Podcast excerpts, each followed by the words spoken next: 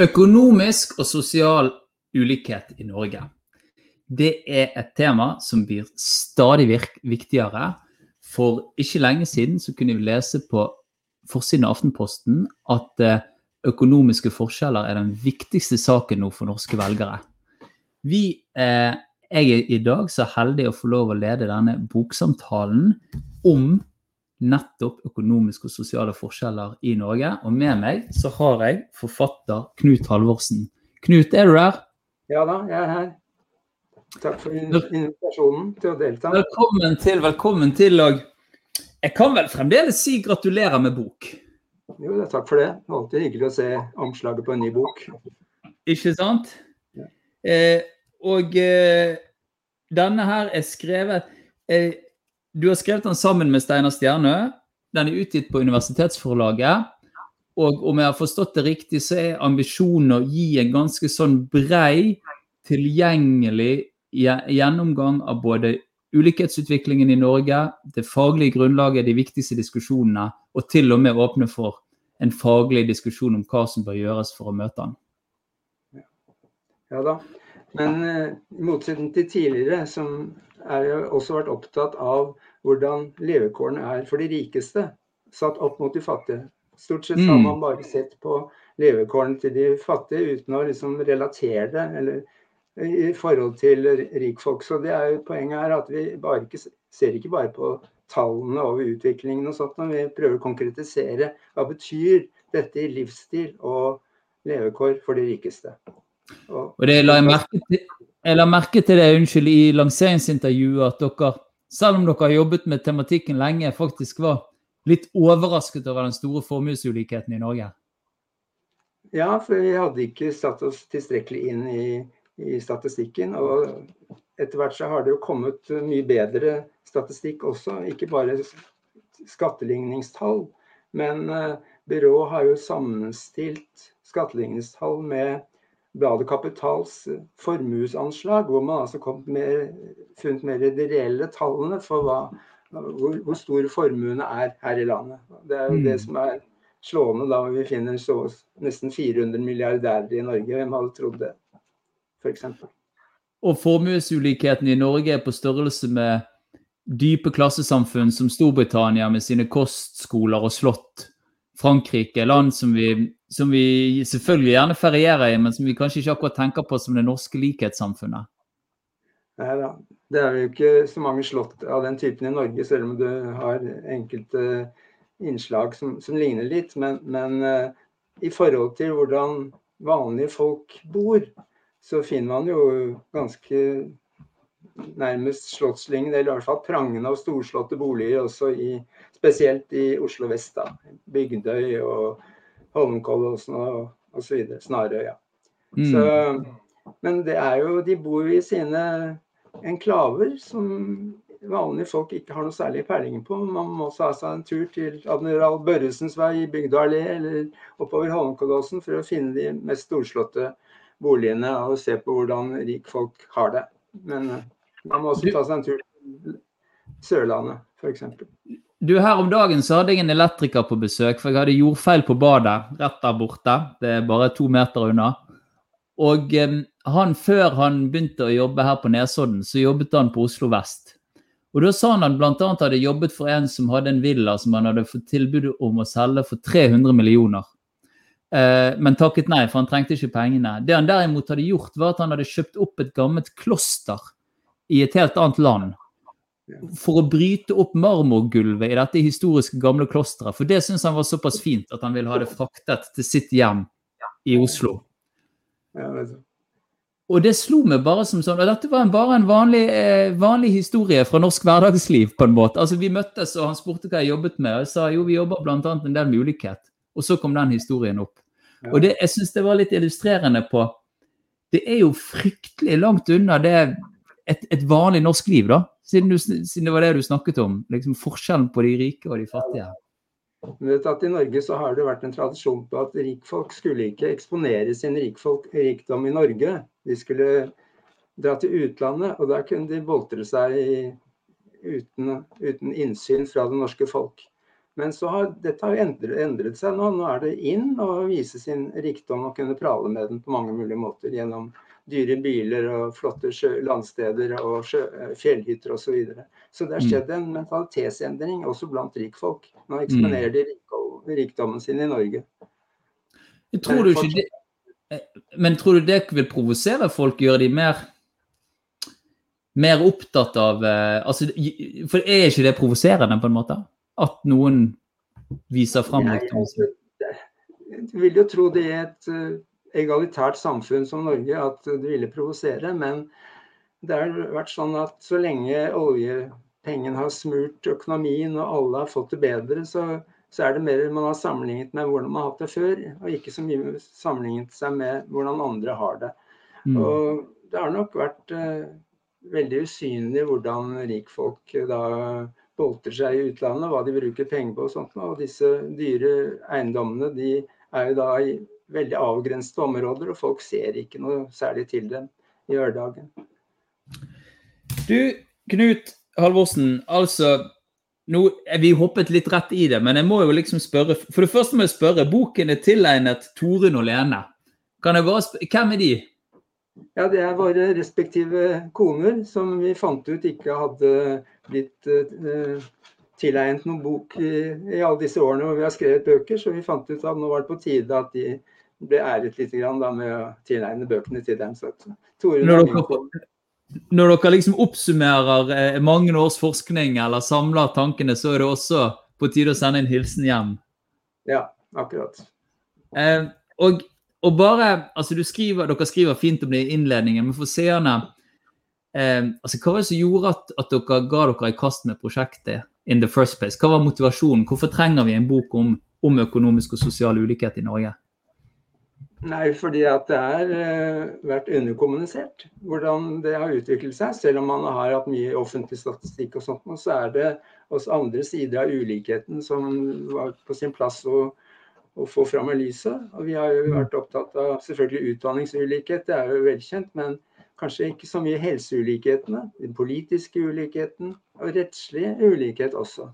Og så prøver vi å sette dette i litt relasjon til hverandre, og spesielt da som et bærende element, den økonomiske ulikheten, som smitter over på de andre former for ulikhet. Men selvfølgelig mm. her er det tilbakevendende prosesser. Så har du dårlig lav inntekt, så kan du få dårlig helse, men dårlig helse fører også til lav inntekt. Så det går begge veier.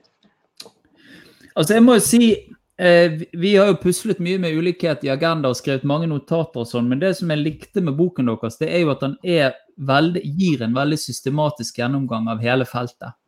Um, og Hvis vi kan ta det litt systematisk nå i disse neste minuttene, før, uh, før vi, vi, er så heldige å få med oss Mette Nord, som er leder for Fagforbundet, uh, så, så vil, jeg, uh, vil, jeg, bare begynne altså Hvis du skal beskrive forskjeller i formue i Norge og forskjeller i lønn, hva, hva vil du si? Hva er det viktigste å få med seg for noen som, som ikke kjenner tallene, som ikke kjenner fakta så godt? Hva, hva er det de bør vite? ja, altså de bør vite på en måte hva Først og fremst kanskje de 10% rikeste. Og de 1% rikeste og de 0,1% rikeste. Hvor mye de har i inntekt og formue i forhold til resten av befolkningen. Det er jo, eh, Man har mye sånn samlemål på ulikhet som brukes da denne indeks, Gini-indeksen. Men mm. det er, dekker over en rekke ulikheter, og spesielt da problemene med ytterkantene av av fordelingen. Inntektsfordeling og formuesfordeling. Og da ser man tydeligere hvordan utviklingen er gått i gal retning. Og når det gjelder formue, hvordan, hva er nøkkeltallene? Ja, altså 0, Hvis du sier 0,1% av husholdene i Norge, så er det 2500 hushold. De har jo da noe sånt som ja, 12 eller sånt av den totale formuen i Norge. Mm. Det er veldig høye tall når du tenker på hvor få mennesker som står bak det. Og vi har ja. altså 400 milliardærer i Norge. Altså et ja. høyt tall i forhold til folketallet. Virkelig, virkelig rike. Ja. Eh, flere, enn, flere dollarmilliardærer i forhold til folketallet enn USA, f.eks. Ja, ikke sant. Um, Men Men de er jo ikke rike i global forstand, da, heller de norske milliardærene. Altså Hvis du sammenligner med USA og Jeff Bezos og sånt, så er det hinsides. Så selv Fredriksen, som er Norges rikeste mann, selv om han skatter til Kypros, han ligger jo på nummer hundredeplass eller noe sånt nå, i, i verden. Ja. 112. tror jeg det står. Ja. Mm. ja. Mm. Det er vel litt, sikkert litt bevegelig. Ja, jeg skjønner. Eh, og, og, når det gjelder lønnsforskjeller, hva vil du si er de viktigste tallene å være klar over der? Ja, da, Vi har jo noen uh, tall fra byrået som viser at, uh, at uh, rundt en sånn gjennomsnittslønn, på de siste tallene vi har, så kanskje på fem, ja, 50, 550 000 året, så har det jo en del yrker hvor folk tjener omtrent over det dobbelte og tredobbelte av det igjen. Og vi har også vist da, tall til de såkalte frie yrker, som advokatyrker og direktørstillinger og sånt, hvor, hvor folk tjener fra ja, 6 til 15-20 millioner i året i inntekt. Mm. Og satt det opp mot uh, uh, de lavest betalte innenfor uh, rengjøringsyrker eller frisøryrker eller, eller ja, Mm. En del andre yrker i virkelig som, som tjener altså da toppen 300 000 i året. Og selvfølgelig, Vi har jo den diskusjonen om uh, lønn til lærere og, og sykepleiere som ligger på 500 600 000. Ikke sant? Mens da de vi snakker om her, de fri, såkalte frie yrkene, tjener jo da 10-20-30 ganger så mye i året. Mm. Så det er store forskjeller når man begynner å gå inn på tallene. Både lønnsforskjeller og. Det, det, vel, det, vi har vært litt opptatt av, er at i tillegg til at den formuesulikheten allerede er høy, så går lønnsulikhetsutviklingen i den retningen. Så hvis den fortsetter, så er det ikke bare på formue vi byr som Frankrike, England, andre på en måte land med, med, med dypere klassesforskjeller enn våre. Da vil, det, da vil, vi være sånn over hele fjølen, på en måte. I 2030 så vil vi være som, som Frankrike og Italia, på, også på inntekt. Ja da, hvis eh, utviklingen fortsetter sånn som nå, så risikerer man jo det. Og det blir på en måte stadig vanskeligere å, å reversere sånne prosesser som til, til, en viss grad er selvforsterkende. Ikke ja. sant? At uh, rikfolk uh, får mer og mer fordi at de har penger til å investere mer og mer. Ikke sant? Og det ser jo bl.a. gjennom såkalte lukkede emisjoner, hvor hvor man altså har nytegning av aksjer i en del uh, selskaper, så inviteres rikfolk inn. Og de, drar, og de, kan selge rett etterpå, fordi det er forventning om at uh, ja, da, dette er et selskap som alle bør satse på, så at kursene går opp. Og så kan rikfolk da selge unna etter hvert som det passer dem. Og tjene mm. på kursgevinster. Så dette er en sånn forsterkende prosess av blant hvor innesirklene da hele tiden eh, drar av gårde fra resten av befolkningen.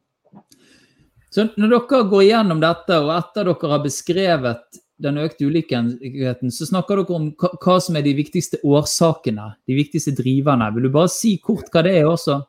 Ja, er, altså Globalt så er jo disse internasjonale organisasjonene som eh, OECD og FN osv. har jo selvfølgelig vært opptatt av det en stund og bekymret seg for utvikling. og Det skyldes at de har sett på eh, globalisering, teknologiske endringer og også økonomiske kriser, hvordan det er drivere til større ulikhet.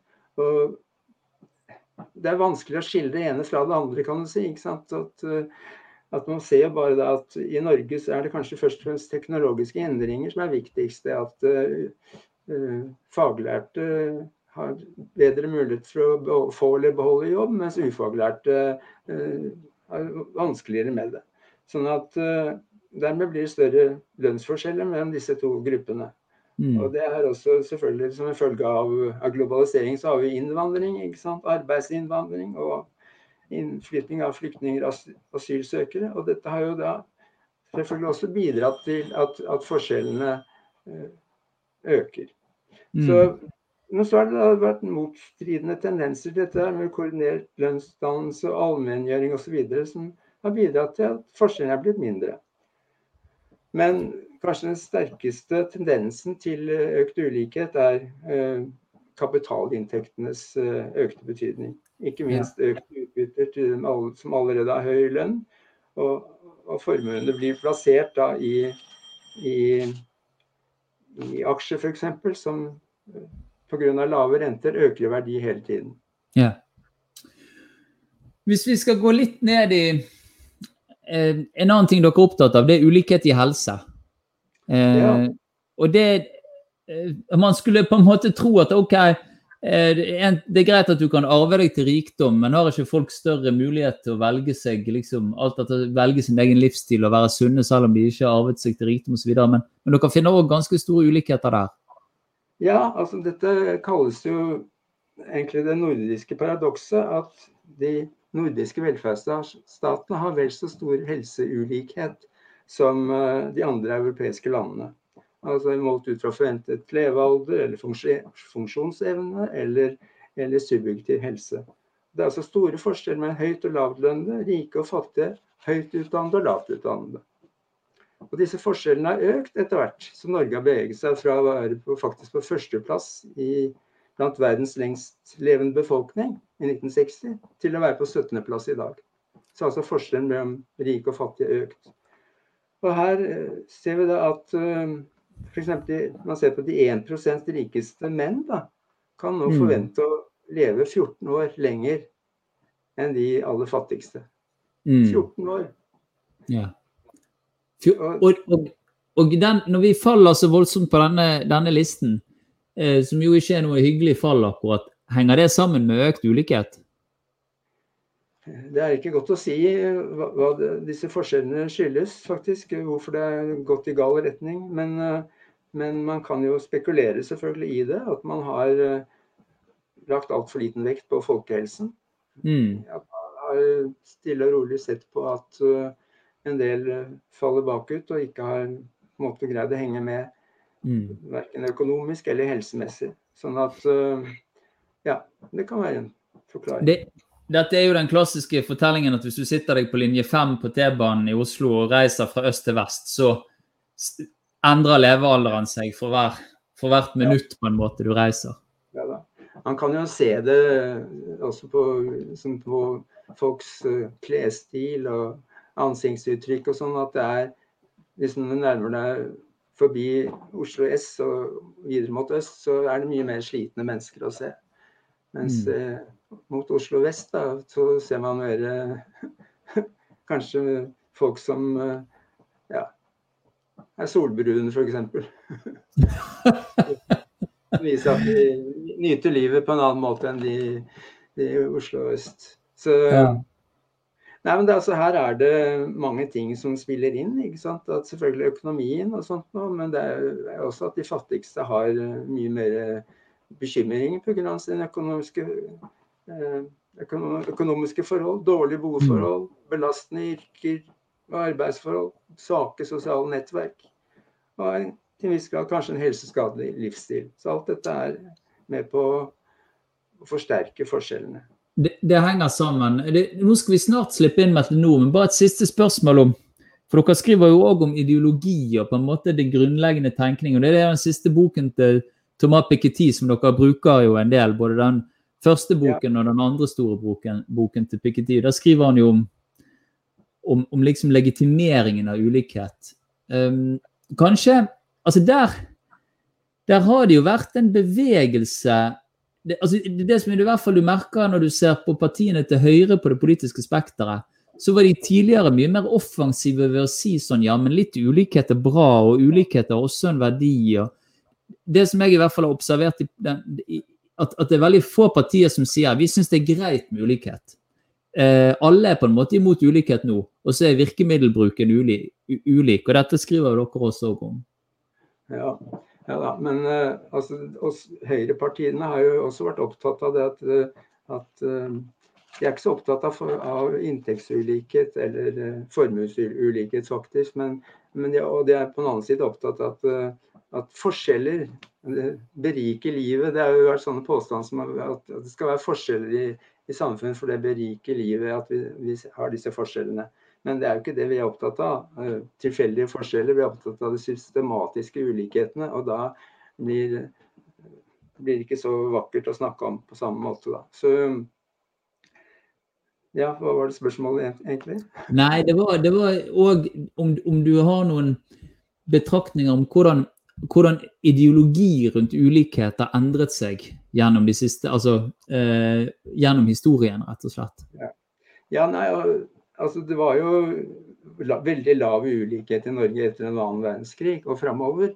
Og da var jo utjamning av levekår både av, mellom ulike grupper i befolkningen, regionalt, mellom by og land osv. Det var sto sentralt på dagsordenen. Og denne utjamningstanken den levde jo helt fram til ja, langt ut på 70-tallet. Men så begynte det å butte imot på ulike måter.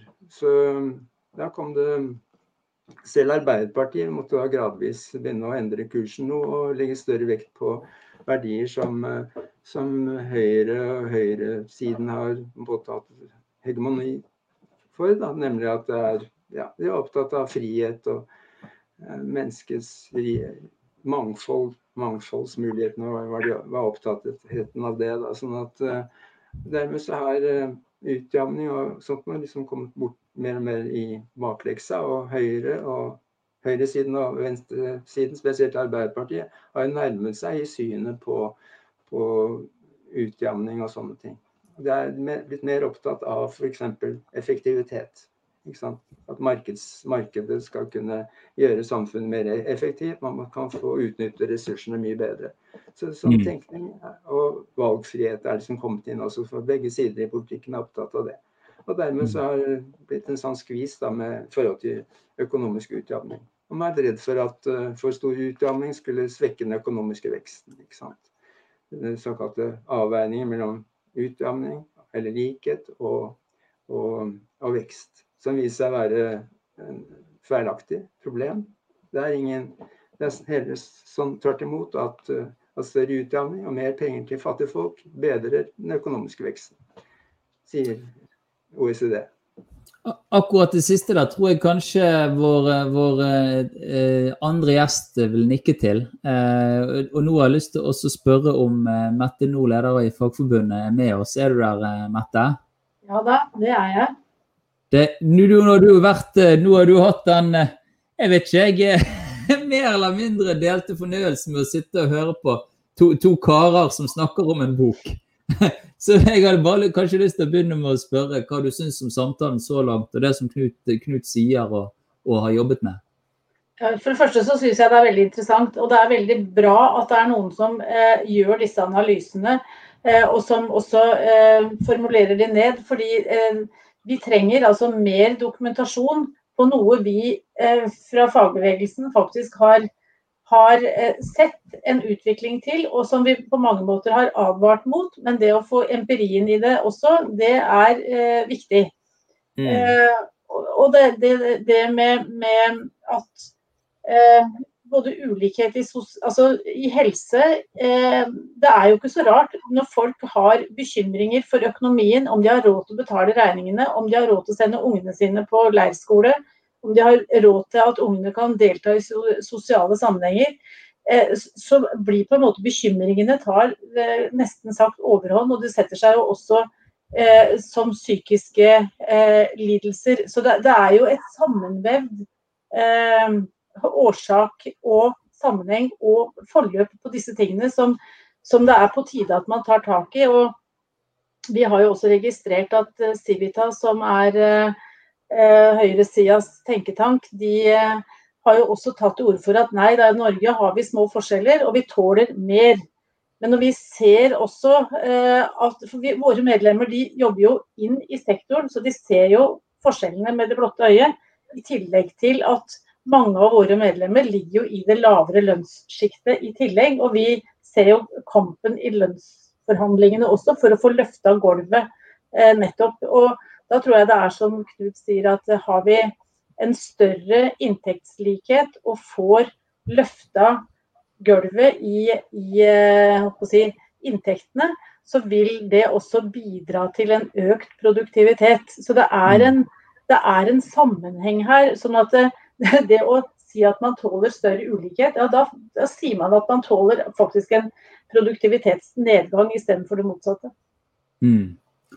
Og når du sier du har jeg syns jo det er veldig interessant, og du har jo mange medlemmer. Dere er jo det desidert største forbundet i Norge. Eh, og det er både folk som, som er, er i lavtlønnssjiktet, eh, men som står i ganske Det er ikke enkle jobber de har. Nei. Det er ikke lette er, jobber. eh, Du, du er sliten når du kommer hjem.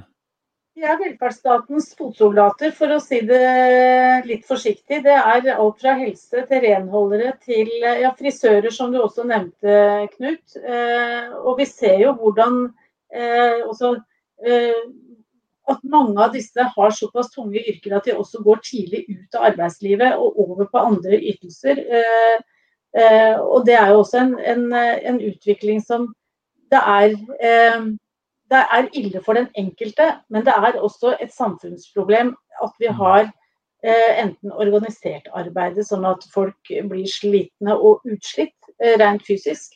Eh, men det er jo også en eh, eh, Som sagt, eh, det påfører jo samfunnet eh, økte kostnader ved at man ikke tilrettelegger for eh, en mer inkluderende arbeidshverdag for folk. Så, så det, det er eh, Og vi ser Altså, vi har jo mange som jobber i skolen, barnehager. Dette med tidlig innsats for at barn og unge skal eh, komme seg gjennom både grunnskolen med et kunnskapsgrunnlag som gjør at de faktisk også kan tilegne seg kunnskap i videregående skole. Som igjen gir dem en mye enklere inngang i arbeidslivet enn hvis de får kunnskapshull og ikke, ikke faktisk får oppfylt de målene de har i læreplanen sin. Du, Knut, her etter hvert er det fritt fram for deg å hive deg inn og, og, og kommentere også på det som Mette sier. Eh, men, men, la meg bare spørre, Mette. for du, du ja, I hvert fall når du ikke har korona, eller nå er det sikkert mye Teams og mye Zoom. Men når du er da, som en naturlig del av jobben din, reiser mye, snakker med medlemmene dine, snakker med folk som kommer, velferdssamfunnets fotsoldater, som du sier. Eh, hva sier de om ulikhet? Hva snakker, hva snakker hva liksom, når, når, dine medlemmer snakker om ulikhet, hva snakker de om da? Nei, altså jeg tror de ikke, altså Når du presenterer disse tallene, Knut, jeg tror ikke folk egentlig eh, har tatt det inn over seg at forskjellene har blitt så store, og at eh, så mye formue er plassert på så få hender. Og, og Det gjør jo noe med makt eh, i samfunnet i tillegg. Men, men, for dem så er det eh, viktig at man eh, eh, egentlig har en jobb som de kan både leve av, eh, at de kan leve med den, og at de kan bli gamle i den.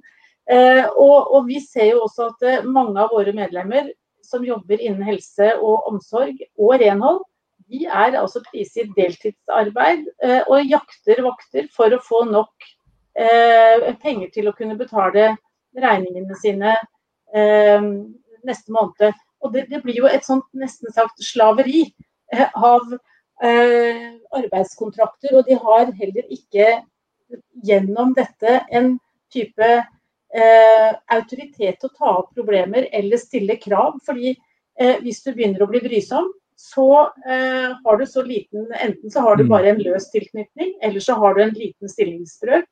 Eh, og da blir du uaktuell å ta videre vakter. Så, så det, en, det blir jo et maktforhold som også er skadelig, eh, og Mm. som heller ikke bidrar til en positiv utvikling i samfunnet. Mm. Men de er altså opptatt av eh, egentlig å få eh, å ha et godt liv der de er.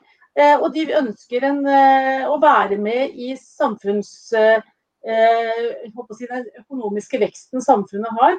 Og det er klart de blir ganske eh, både skuffa og, og oppgitt over eh, at man ikke blir tatt på mer alvor eh, når en ser hvilke ulikheter som faktisk eh, nå eh, gjør seg gjeldende. Og det, nå, bare sånn noen eksempler fra eh, de siste åtte årene hvor vi har fått skattekutt til de rikeste på 30 milliarder. Og så har vi fått en eh, økning i egenandeler. Vi har fått en kutt i ytelser. Eh, I sum eh, tilsvarende over 40 milliarder kroner. Så bare her har man jo gitt mer til de rikeste og straffer de andre. Enten det er for å finansiere det, eh, og sannsynlig så er det det. Men det er jo også en tro på at bare du har det vondt nok, så blir du stimulert til å jobbe mer. Mens andre skal altså ha skatteletter som skal stimulere til at de skal investere mer. Og dette blir jo, det, det er jo en logikk som ikke henger i hop. Ja da. Jeg er opptatt av at de eh, lønnstakergruppene som Mette nevner her, at de har jo gjennomgående dårligere helse og kortere forventet levealder enn eh, si, de mest høytlønnede. I tillegg så er det nyere tallene har vist at uh, de private tjenestepensjonene er jo enormt mye større blant de høytlønnede enn de lavtlønnede. Sånn at den uprivilegerte situasjonen de er i nå, og som ble forsterket under koronaen fordi de ikke kunne ha hjemmekontor?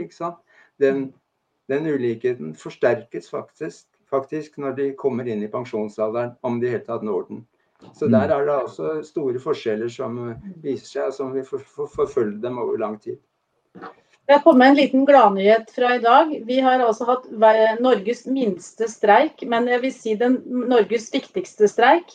Den ble avslutta i dag. Det var syv medlemmer på en uh, privat uh, rehabiliteringsinstitusjon på Vestlandet som gikk ut i streik fordi uh, de ble tvunget over på innskuddsordninger fra offentlig ytelse. I dag så vant vi den. Så de har beholdt sine pensjonsrettigheter. Og ikke bare våre syv medlemmer, men alle 100 ansatte på den virksomheten får nå beholde sine pensjonsrettigheter. Og vi har forhandlingsrett inn i neste hovedoppgjør, og da får vi også de andre forbundene med oss. Så dette er jo eh, Det viser også hvor viktig det er å være organisert, og at vi tar eh, nettopp de riktige kampene når det er eh, viktig å gjøre det. Så dette er veldig glad Gratulerer med, med, med at ja. dere har vunnet fram i den kampen. For de som, som ikke meg selv inkludert, altså for de som syns at pensjon er vanskelig å forstå, kan du forklare bare superkort hva, hva, hva seieren går ut på, og hvor mye penger det kan handle om? Ja, dette er jo eh, folk som da hadde gått over fra en livsvarig eh, og kjønnsnøytral pensjon. Sånn at kvinner og menn den er, den er lik å betale for, for arbeidsgiver, men, men den varer livet ut. Eh, til en tiårs ytelse på 2% altså det, hadde, det er snakk om millioner av kroner. Ja. Ja, så, så de, de, kunne miste, de kunne mistet millioner av kroner i, i, pensjon, rett og slett, ja. hvis de ikke hadde vunnet. Yes. Så dette er uh, en gledens dag. Ja, det må jeg si. Eh, du, du, Knut, vi, når vi snakket litt i forkant her, så jeg, jeg bare tenkte på det når Mette prater og hun sier det, det, folk er opptatt av, det er å kunne stå i jobben sin, kunne stå lenge i den, ha det godt, og selvfølgelig være en del av utviklingen. Og du, Din forskning har jo òg dreid seg litt om liksom, motivasjon for jobb, og, at, at hvorfor folk jobber. Eh, ja. Vi var innom det. Altså, hva tenker du om det Mette sier? Ja, Det er jo selvfølgelig riktig at uh, altså folks arbeidsmotivasjon er jo litt ulik i, i lavtlønnsyrker og utdannings yrker som krever utdanning i forhold til, eh, ja, i forhold til de andre. sånn at eh, men det, det, vi finner da, i de studiene jeg har vært med på å gjøre, er at eh, og det er litt interessant at jo mer sjenerøs en velferdsstat er, jo høyere er arbeidsmotivasjonen. Og det er jo paradoksalt. og folk er jo, Det er jo helt i strid med insentivtenkningen i Norge. ikke sant, At uh, man må kjøre hardt på arbeidslinja, for ellers vil ikke folk jobbe osv. Men at det viser seg at folk foretrekker arbeidet selv om de ikke trenger pengene, fordi at det gir så mye mer uh, av å kunne delta i fellesskapet, sosiale, og bruke sine evner osv. Så sånn at uh, man trenger ikke bekymre seg for, for at uh, insentivene går fløyten hvis man gjør trygdeytelser osv. mer sjenerøse. Så det er et viktig poeng, fordi det er jo liksom høyresiden kjører på hele tiden. ikke sant? At vi må ha arbeidslinja for å styrke insentivene i befolkningen. Men det er ikke noe gærent med det. Nei, men det er jo på en måte ikke noe gærent å da tilrettelegge for at folk skal være i jobb. Eh, det som er et problem, er jo nettopp eh, det at vi har eh, kanskje et for tøft arbeidsliv. At det er for lav bemanning, og det er for mange som ikke har fast jobb. Altså den tryggheten det gir mm. for at du har penger på bordet til neste måned. Det at uh, du også har en full jobb, sånn at du slipper å jakte vakter og, og må løpe etter og ikke kan planlegge verken fritid eller arbeidstid. Og, og, så er det jo en bekymring, uh, og det handler mer om ikke nødvendigvis arbeidsinnvandring, men det vi ser er at det er en utrolig lav organisasjonsgrad og at de har en mye løsere tilknytning til arbeidslivet. Vanskeligere å fange opp, vanskeligere å få organisert. Mm. Eh, og vi ser at det også strekker jo tariffmakta som fagbevegelsen har inn i ulike områder. Og da, som du nevnte, dette med allmenngjøring har jo vært et virkemiddel for å sikre de bransjene at man har i hvert fall minimum den tarifflønn som er gjeldende for bransjen. Eh, og så er det jo en bekymring som vi har, og som jeg vet ikke om dere forskere har sett mer på. og Det er jo eh, kanskje presset på frontfaget. fordi du sier jo at den koordinerte lønnsdannelsen den, den reparerer jo noen av disse eh, ulikhetene og disse svingningene som man har. Og gjennom at man har eh, si, sterke profesjonsinteresser som ønsker å dra eh, egentlig fra og ut av den koordinerte lønnsdannelsen, så vil, vil jo det i seg sjøl bidra til eh, økte lønnsforskjeller. Eh, og også kanskje i tillegg flytte si, dra kompetanse og søkning til yrker. Sånn at man ikke har den balansen mellom privat og offentlig sektor. Når vi ser hvordan Profesjonsforbundet nå etter hvert begynner å si, eh, agere da, i, i, forbindelse med forhandlinger. Så det er en eh, pågående, si, i hvert fall eh, gryende bekymring for, for, hva dette kan føre til eh, dersom frontfaget ikke klarer på en måte å holde, holde eh, ja, opprettholdes på det nivået det har vært. Ja. Før du, du skal få svare, Knut. Bare, det, kan jo være at vi har noen som ser på som ikke vet 100 hva frontfaget er. Jeg kan prøve å forklare det, så får dere eh, jeg, jeg, jeg, våger meg på å forsøke en forklaring, så får du eh, korrigere meg, eh, Mette. Men det handler altså om at de som jobber i konkurranseutsatt industri, spesielt eh, virksomheter, de forhandler først. Altså typisk Fellesforbundet, som organiserer veldig mange i industrien, eh, eh, også hotell og restaurant osv., de forhandler med norsk industri eh, basert på hva som er forventet lønns- og prisstigning og hva bedriftene tjener. Og den, det de kommer fram til, det blir gjeldende også for de andre lønnsoppgjørene. Rett og slett for at Norge skal kunne beholde sin konkurranseevne eh, overfor utlandet. Eh, noe i den duren høres det greit ut? Det høres greit ut. Ehm, og det er viktig at det er en god balanse, sånn at ikke, ikke norsk næringsliv og norsk konkurranseutsatt, altså mot utlandet, eh, taper sin eh, verdi. Fordi det vil også bidra til å svekke offentlig sektor. Men det man eh, ser bort fra der, er jo de store deler av lønnstakergruppene som er uten fagforeningstilknytning, og som forhandler individuelt. Ja, det er jo alle liberale, liberale yrker som også har egen næringsinntekt osv. Mm. De drar jo fra. Og, og lederstillingene i både offentlig og privat sektor drar jo fra øvrige lønnstakere. Sånn at, eh, at så Da er det plutselig ikke noe snakk om at det kan svekke konkurranseevnen osv. For det er det store talls lov som gjelder. Altså, det er de mange, deres små tillegg, det er det som teller. Mens de de får store tillegg, det spiller liksom ingen rolle. Så dermed så er det fritt fram for hva direktører og andre kan uh, håve inn av inntekter her. Så det er jo problemet. Det, mors det, morsomme der er jo at man får motsatt fortegn. For de sier at skal vi være konkurransedyktige, eh, så må vi være konkurransedyktige på lønn hvis vi skal trekke til oss de beste lederne. Så det er jo en sånn stikk motsatt uh, effekt. Men, men uh, det er, og det er eh, riktig som du sier, at skal, skal lojaliteten til frontfaget opprettholdes, så må alle være lojale. Det nytter ikke at finanssektoren stikker av gårde, eller topplederne i enten det er bedrifter eller, eller offentlig sektor for den saks skyld. Da, da, da, sprenges på en måte dette innenfra på en eh, eh, Og det kan få, ganske, det kan få styggere konsekvenser enn en, eh, å heller se om man kan utvikle den sånn at man får en god legitimitet til det. Man har jo sagt at, at Norge har jo betydelig konkurranseevne fordi vi er verdens billigste ingeniører og akademikere osv. Så sånn at eh, For de har jo da måtte mm. vært tilbakeholdne med sine lønnskrav i forhold mm. til uh, hva man ser i utlandet. Så, og at fagarbeiderne har en god kompetanse som faktisk eh, eh tar ansvar, eh, finner løsninger og har stor tillit i bedriftene til at eh, Eh, det er viktige og si, et godt beslutningsgrunnlag, sånn at de har stor frihet nettopp til å kunne utøve faget sitt. og Dermed så blir det jo mer spennende, mer interessant. Og du gir kanskje det litt ekstra fordi en vet at den blir tatt på alvor, at man har en, en fagkompetanse som eh, legges merke til.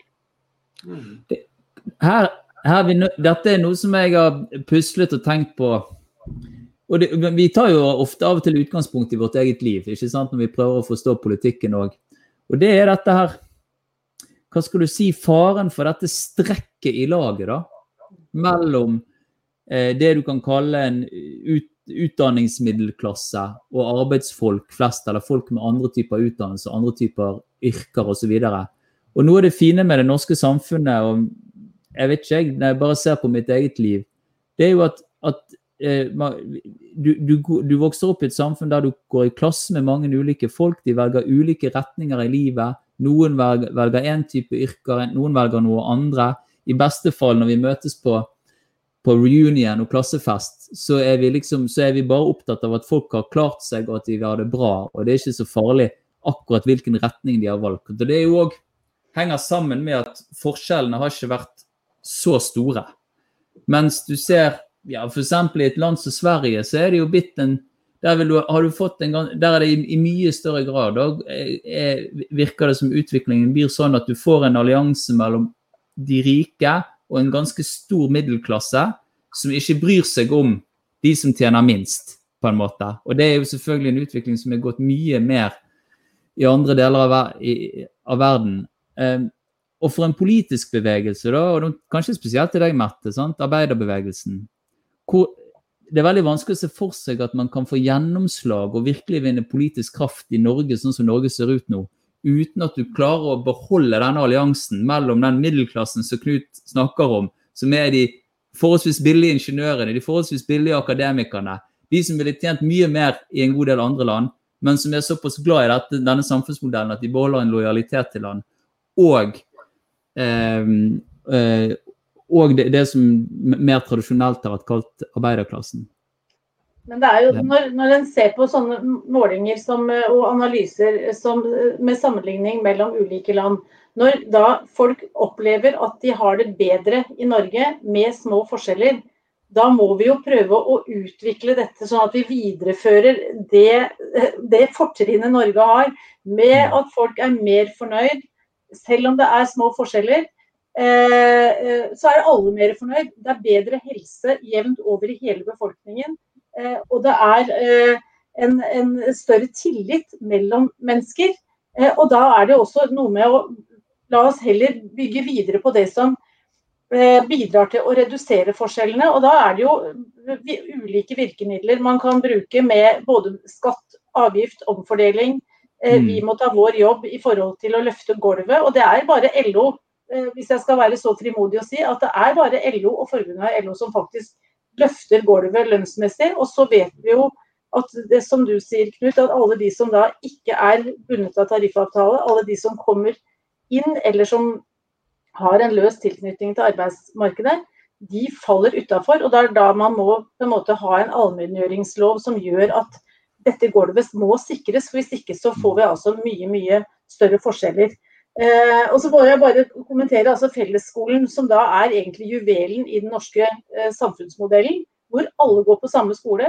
Men når vi da får denne valgfriheten som Høyre ønsker å trekke fram til enhver tid, ja, så er jo dette strukturelle og systematiske ting som gjør at fortrinnet vårt med små forskjeller, eh, stor tillit, ja, det er jo i ferd med å bryte opp. Og vi må få stoppa det for enhver pris. Fordi det vil altså ikke bidra til at Norge blir et verken bedre land å bo i, eller at vi får redusert forskjellene. Det, var et veldig bra oppspill, og det har jeg lyst til at vi skal bruke de siste minuttene av denne samtalen på. Eh, vi nærmer oss et valg. Eh, det ser ut som det kan bli et skifte hvis vi skal følge meningsmålingene. Jeg, jeg liker å følge en, en meningsmålingsside som heter estimite.com av, av, en statistiker på UiO, eh, Jørgen Bølstad. Sist så tror jeg det var 3,4 sjanse for borgerlig gjenvalg. Eh, det tror jeg ikke betyr at de rød-grønne bør slappe av og bare lene seg tilbake. Jeg tror det, vil, kreve mobilisering hele veien inn. Men, men hvis vi ser for oss at det kan bli et skifte, er det mulig å få gjort noe substansielt med denne utviklingen? Altså, vi vet at forskjellene økte litt mindre med den rød-grønne regjeringen enn med den vi har nå. At formue, Spesielt i formuesulikhet så har det jo skutt voldsom fart. med Erna Solberg som statsminister, og det har vært mange kutt osv. Um, men, men, men, men er, vi nå, er vi nå kommet et sted der man er villig politisk til å jobbe på alle de ulike nivåene vi må jobbe for å bekjempe ulikheten? Og, og hva ville dere i så fall prioritert? Hva, hva, bør, hva, bør, man gjøre etter høstens valg hvis det blir et skifte, og hvis ulikhet er, er hovedsaken? Ja, det er jo selvfølgelig det som Pikti foreslår, det er jo å gå løs på arveavgiften. Og så er det å øke formuesskatter og eiendomsskatter. Og alle de tre skatteformene der er jo veldig upopulære i Norge. Og jeg tviler også på at det er særlig populært blant eh, Senterpartiets velgere, ikke minst. Eh, som jo er et slags grunneierparti i utgangspunktet. Så det vi kan håpe på, er at hvis Arbeiderpartiet får stor nok innflytelse, at de vil reversere noen av de verste skattelettelsene for å si det sånn, som høyreregjeringen har gjennomført. Men utover det så tviler jeg på at de har uh, mulighet for, med den partikonstellasjonen, å gjøre så forferdelig mye med resten her. Bortsett fra kanskje at de kan få til en slags balanse mellom de nødvendige Eh, klima, altså klimatilpasninger man må foreta, så regner man med at det blir, må bli klimaskatter. At man kan kompensere for de økte skattene der ved at man gir skattelette til lave inntektstakere. Det kan det også være en mulighet for.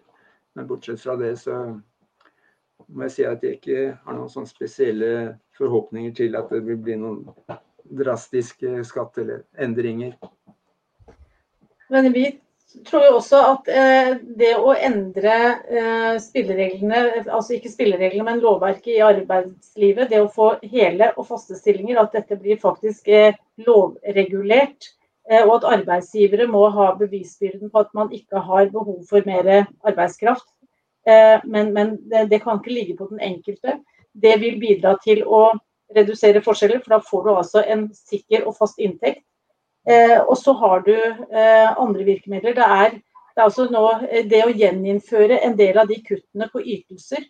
Pendlerfradraget, du har hatt trekk i barnetillegg eller skattlegging av barnetillegg for uførepensjonerte. Det er trekk i arbeidsavklaringspenger. Det har vært kutt og kutt og kutt. Og det å, som du sier, gi løfte en del av disse ytelsene som gjør at Eh, folk får en mindre belastning når de er i en vanskelig situasjon.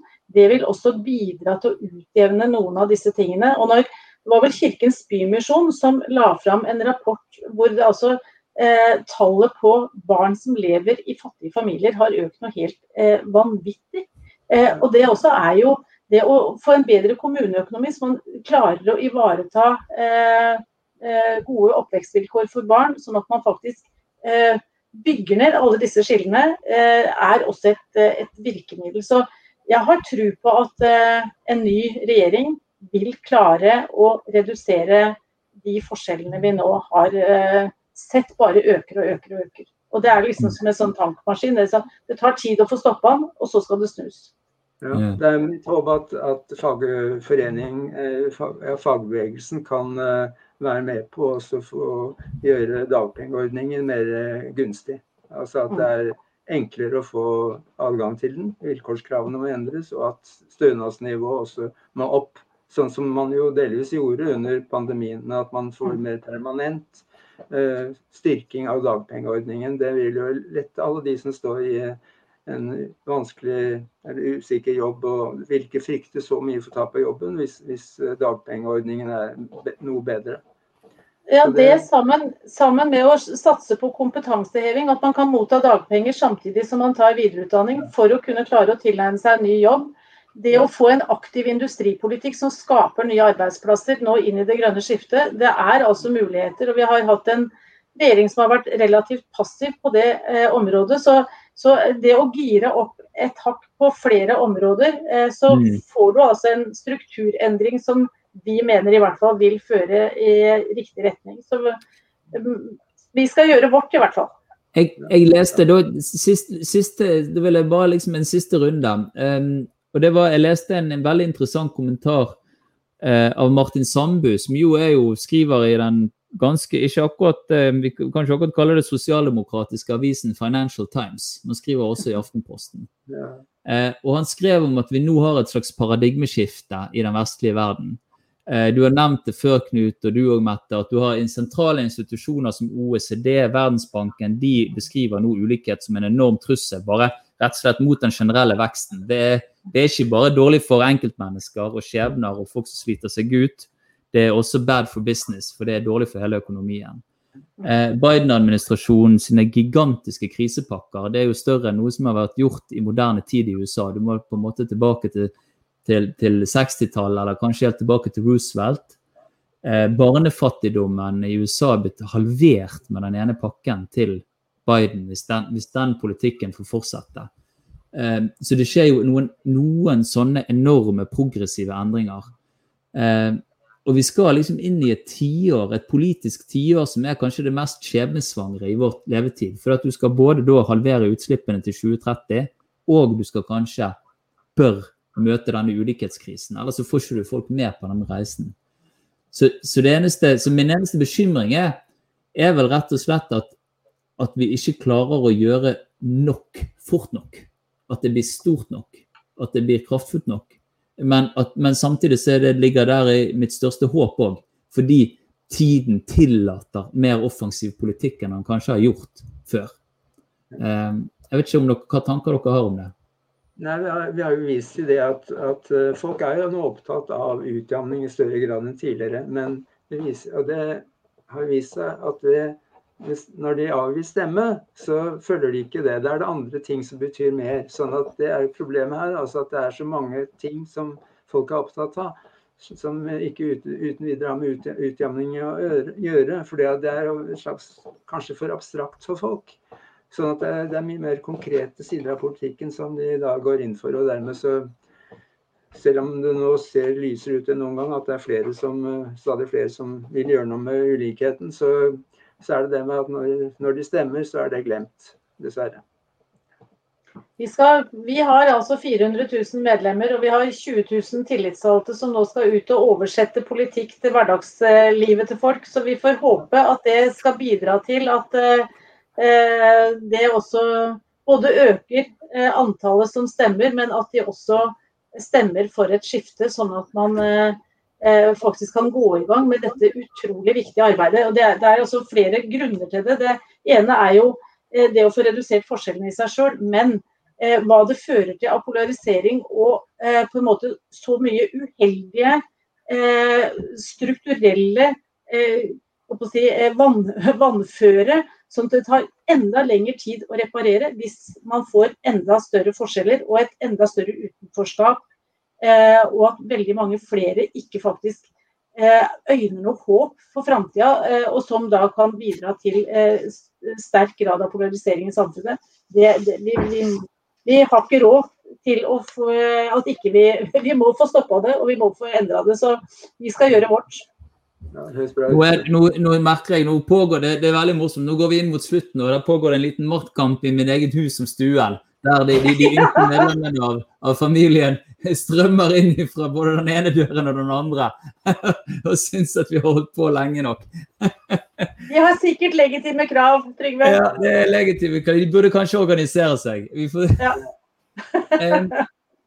Knut Halvorsen, Mette Nord. Eh, jeg syns, denne lille timen har gått skikkelig fort. Eh, jeg vil anbefale alle å ta en titt på boken 'Økonomisk og sosial ulikhet i Norge'. Det gir en god og solid gjennomgang av de viktigste temaene.